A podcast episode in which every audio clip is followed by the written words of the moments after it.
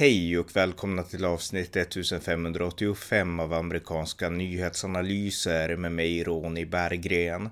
En konservativ podcast som kan stödjas på swishnummer 070-30 28 95 0. Igår den 13 juni höll 6 januari-kommittén sitt andra öppna förhör i granskningen av det som låg till grund för stormningen av Kapitolium förra året. Här kommenterar jag gårdagens utfrågning. Varmt välkomna! Ja, igår så hölls alltså den andra utfrågningen av 6 januari-kommittén och den första hölls ju för några dagar sedan. Och den första, den var mer som en introduktion över de här åtta öppna tillfällena. Och eh, den första dagen var, det var inte så mycket nytt som framkom där. Eh, det nya som framkom det var att eh, Donald Trump hade tydligen sagt att det här med att hänga Mike Pence som eh, pöbeln ropade ut utanför Kapitolium, det kanske inte var en så dålig idé ändå. Det var, det var, det var en ny grej som framkom i det första förhöret förhöret här då. Men utöver det så var det inte så mycket nytt den första dagen. Den andra dagen, alltså igår, det tycker jag var mycket mer intressant. Därför att nu gick man in mer på somliga detaljer och mycket som inte jag kände till faktiskt. Eh, man försökte i gårdagens eh, utfrågning då eh, dels förklara eh, att de här eh, pratet om valfusk, att det var felaktigt och eh, det fastslog man inte utifrån att granska varje enskild sak utan utifrån de bedömningar och de granskningar som andra gjort, inklusive tidigare justitieminister Bill Barr. Och eh, sen så förklarade man att Trump ändå valde att lyssna på de som lyfte fram att det pågick en stor valfuskkonspiration från Demokraternas sida. Trump valde att lyssna på dem och eh, han valde att predika ut och dundra ut det budskapet och det fick allvarliga konsekvenser. Det var ungefär det som gårdagen handlade om. Och det här var ett förhör så att man hade lite olika vittnen. Eh, dels så hade man Chris Styrwalt från Fox News som var en av de som satt på Fox News Newsdesk eh, i, i valet då den 3 november 2020, valnatten, presidentvalet. Och eh, han var den som eh, först eh, utsåg Arizona, eh, att Arizona hade vunnits av Joe Biden. Och han förklarade här i utfrågningen att han hade gjort det på väl goda grunder. Och eh, att han hade haft rätt. Det, det var så. Och det fanns inget fog i det, det Trump hade sagt sen då om, om det som hände i Arizona. Och att man även granskade då, andra sa det i utfrågningen, att man även granskade olika eh, kritiska saker som hade framförts men att man inte hittade några eh, grundval för att eh, fastslå att det var valfusk eller något liknande. Så att det var ett av vittnena. Eh, de två mest intressanta däremot, det var Trumps eh, sista kampanjmanager, eh, Bill Stepien.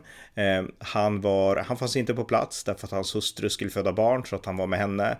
Men han hade ju intervjuats på videolänk under under tidigare tillfällen av 6 januari, 6 januari-kommissionen då. Så att eh, man kunde se videoklipp på honom. Och han berättade ganska många intressanta saker. Han berättade till exempel att eh, han eh, försökte meddela Trump hur läget verkligen låg till och att Trump inte ville lyssna. Och vi kan spela ett klipp från vad Bill Stepien sa till Trump. My belief, my recommendation was to say that votes were still being counted. It's too early to to to tell. Um, too early to, to call the race, but um, you know we uh, proud of the race we we run we ran, um, and we you know think we're think we're in a in, in good position, um, and we'll have more to say about this you know the next day or the next day whenever we had something to say. And did anybody who was a part of that conversation disagree with your message? Yes. Who was that? The, the president disagreed with that. I don't recall the particular words. He, he thought I was wrong. He, he told me so. And, uh, you know, that they were going to, you know, go in a, in a, you know, he was going to go in a different direction. This is a fraud on the American public.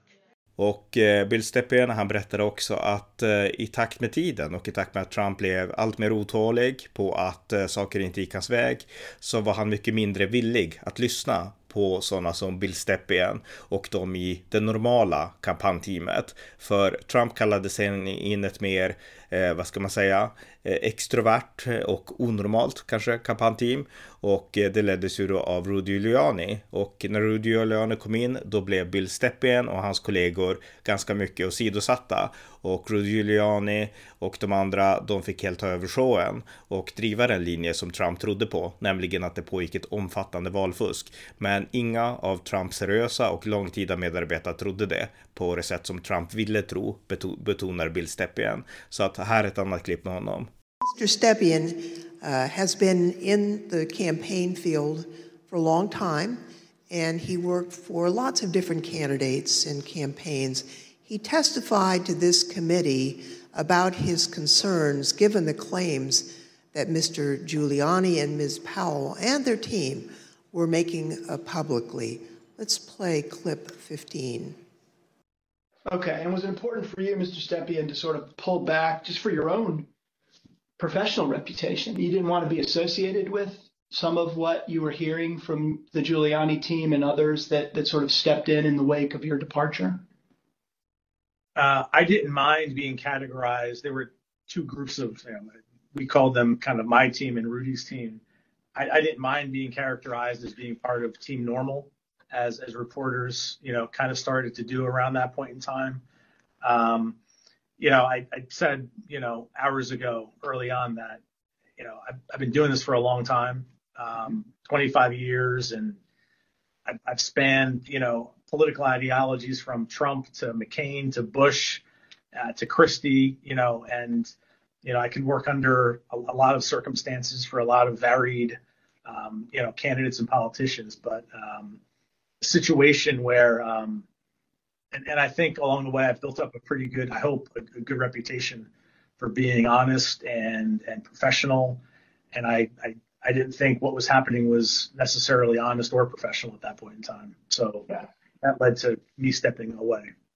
So uh, the president did uh, get rid of Team Normal, and I'd like to play a clip showing that the president found the people he needed to perpetuate his claims of fraud. They saw a big truck bringing in 100,000 ballots in garbage cans, in waste paper baskets, Och eh, det här tyckte jag var väldigt intressant. Att Bill Stepien ändå eh, var så tydlig med att det fanns två olika kampanjteam i, i Trumps eh, inre cirkel så att säga. Och eh, i takt med att valfusket blev allt mer ett hetare ämne, någonting som Rudy Giuliani ville pusha på, då tryckte Trump bort sitt gamla kampanjteam och tog in dem som sa saker som han ville höra. Det är lite det som Bill Stepien säger. Och det här faller faktiskt helt i linje med mina egna iakttagelser. Jag skrev en in ingående granskning av Trumps valfusk eh, på min blogg roni.se och det är en artikel som heter eh, Eh, Sagan om kraken, Trumps valfuskteorier debunkade, eh, publicerad den 10 januari 2021, alltså bara dagar efter eh, ockupationen av Kapitolium. Och där är en artikel på, jag tror att det är 50 sidor eller någonting, där jag personligen går igenom steg för steg de här olika eh, anspråken på fusk och avfärdar dem. Och eh, i mångt och mycket så drar jag samma slutsatser som Bill Stepien och som Bill Barr eh, har gjort, eh, nämligen att Trump har valt att lyssna på de som säger det han vill höra och eh, att eh, ja, att det inte finns något fog egentligen för de här äh, anspråken på valfusk och alla seriösa, de måste förstå det. Trump fattar inte, han agerar naivt och han tror det han vill tro. Men äh, jag menar ju att de flesta av de här nära medarbetarna, de borde fatta att det här inte stämmer. Och det är precis det Bill Steppen säger. Vi förstod det och vi försökte säga det till Trump, men han lyssnade inte. Och jag skriver i min artikel att förmodligen vet Rudy Giuliani det här också, men han gör det för politisk vinning och pengar och sådana saker. Eh, nu är jag inte helt säker på att Rudy Giuliani fattar det här. Han kanske är en true believer, vad vet jag. Men eh, Eh, det fanns alltså många röster inom Trumps team som tydligt sa att det här är fel och Trump ville inte lyssna utan han ville lyssna på de här som sa det han ville höra. Och det är det jag tycker är så intressant att Bill Stepien verkligen bekräftar att det var så. Eh, en annan person som också förhördes här då, eh, det var en republikansk valkommissionär i Philadelphia som hette Al Smith. Och eh, det här var intressant därför att han fick väldigt mycket kritik för att han sa då att det inte hade varit eh, massa olika döda som hade röstat, olika fuskröster och liknande, utan att vi har gått igenom alla sådana här anspråk på fusk och konstaterat att det inte stämmer. Och han fick extra mycket skit då för att han var republikan, för då förväntades han ju vara lojal mot Donald Trump. Och eh, han berättar i det här förhöret igår om hur de här hoten som han fick gestaltade sig och hur Trump som twittrade och hängde ut honom på Twitter, eh, vilka konsekvenser det fick för honom och hans familj. Och eh, han säger så här då, L. Smith. We have another witness here uh, today who has detailed knowledge about the election process in Philadelphia. Mr. Schmidt, at the time of the 2020 presidential election, you were serving as the only Republican member of Philadelphia's three member city commission, which is responsible for overseeing elections throughout the city. Is, is that correct? That's correct, Congressperson. So, President Trump made numerous claims regarding fraudulent voting practices in Philadelphia, including the claim that dead people were voting. In fact, Mr. Giuliani told Pennsylvania state legislators that 8,000 dead people voted in Pennsylvania. You investigated those claims of voter uh, fraud. Can you tell us what you found? Not only was there not evidence of 8,000 dead voters voting in Pennsylvania, there wasn't evidence of eight. We took seriously every case that was referred to us, eh, no matter how fantastical, no matter how absurd, and took every one of those seriously, including these. Mr. Schmidt, on November 11th, 2020, President Trump tweeted about you, saying, and here's a quote, a guy named Al Schmidt, a Philadelphia commissioner and so called Republican or rhino, is being used big time by the fake news media to explain how honest things were with respect to the election in Philadelphia. He refuses to look at a mountain of corruption, dishonesty. We win. As a result of that tweet and the CNN interview you gave, where you stated the dead voter claims in Pennsylvania were false, you and your staff were subjected to disturbing threats. Can you tell us about that? The threats prior to that tweet, and on some level it feels almost silly to talk about a tweet, but we can really see the impact that they have because prior to that, the threats were pretty general in nature. Corrupt election officials in Philadelphia are going to get what's coming to them. You're what the Second Amendment is for. You're walking into the lion's den, all sorts of things like that.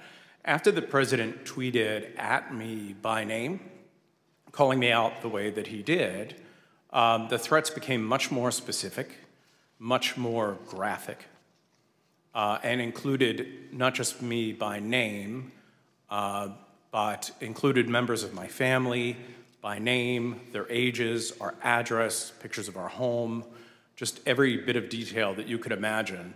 That was what changed with that tweet.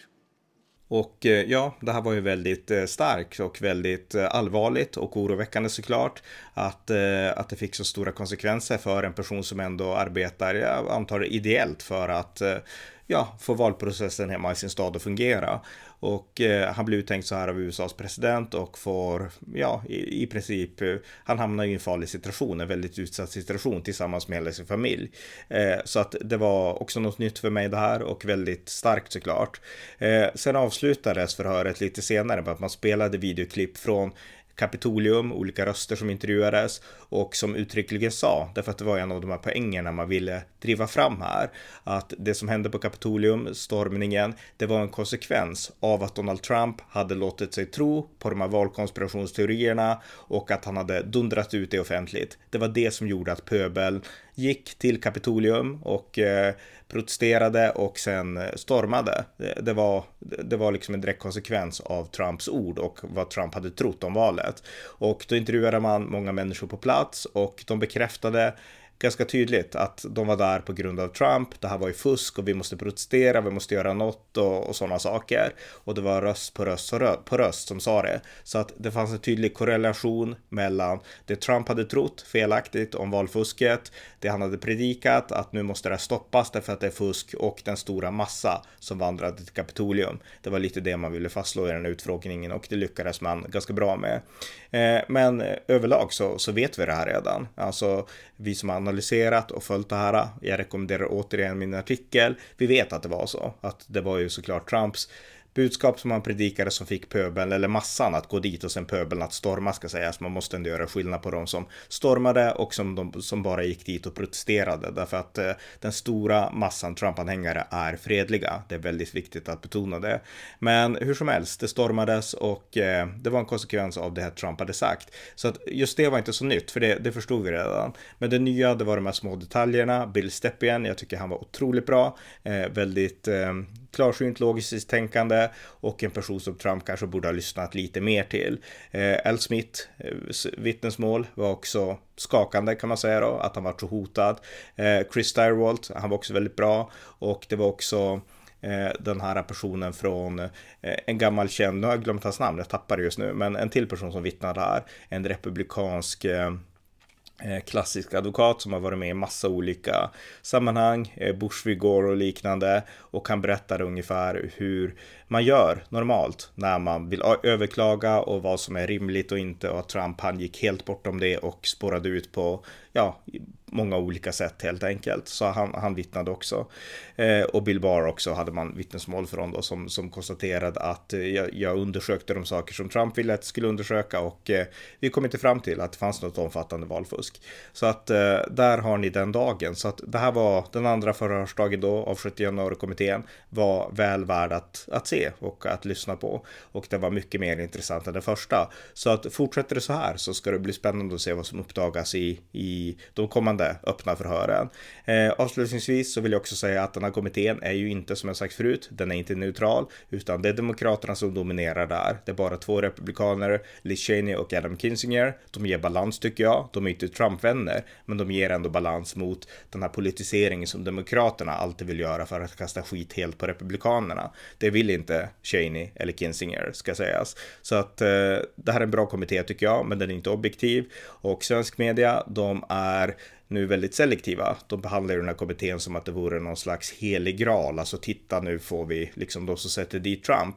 Men väldigt mycket av det som sägs har tagits upp förut, inte lika detaljerat, men det togs upp i riksrättsprocessen och eh, man eh, måste också förstå att det finns allt med den här kommittén är inte liksom helt och hållet. Det är en bra kommitté och en bra utredning som görs, men, men det finns också starka politiska krafter i den här kommittén. Det är inget snack om den saken. Och eh, i normala fall så brukar ju svensk media avfärda sådana här specialkommittéer för att de är väldigt partisanska. Eh, till exempel Benghazi-utredningen mot eh, Hillary Clinton eh, som hölls av Republikanerna. De eh, ja, de ignorerades ju principiellt eller avfärdades av svensk media, för då såg man det bara som en republikansk häxjakt mot Hillary Clinton, trots att de hade också väldigt viktiga poänger och väldigt mycket sanning, trots att det var en partisk kommitté, eh, precis som den här är. Så att det finns lite dubbla måttstockar här i Sverige. Det vill jag också skicka med er som lyssnar. Men hur som helst, det här var mitt take på den senaste utfrågningen och jag hoppas jag får tid att kommentera de följande också. Det var avsnitt 1585 av amerikanska nyhetsanalyser. Det jag vill mana er som lyssnar att fortsätta stödja organisationer som bistår Ukraina. Vi måste vara uthålliga i detta. Men ni som också vill stödja amerikanska nyhetsanalyser kan göra det på swishnummer 070-30 28 95 0. Det var allt för idag. Stort tack för att ni har lyssnat.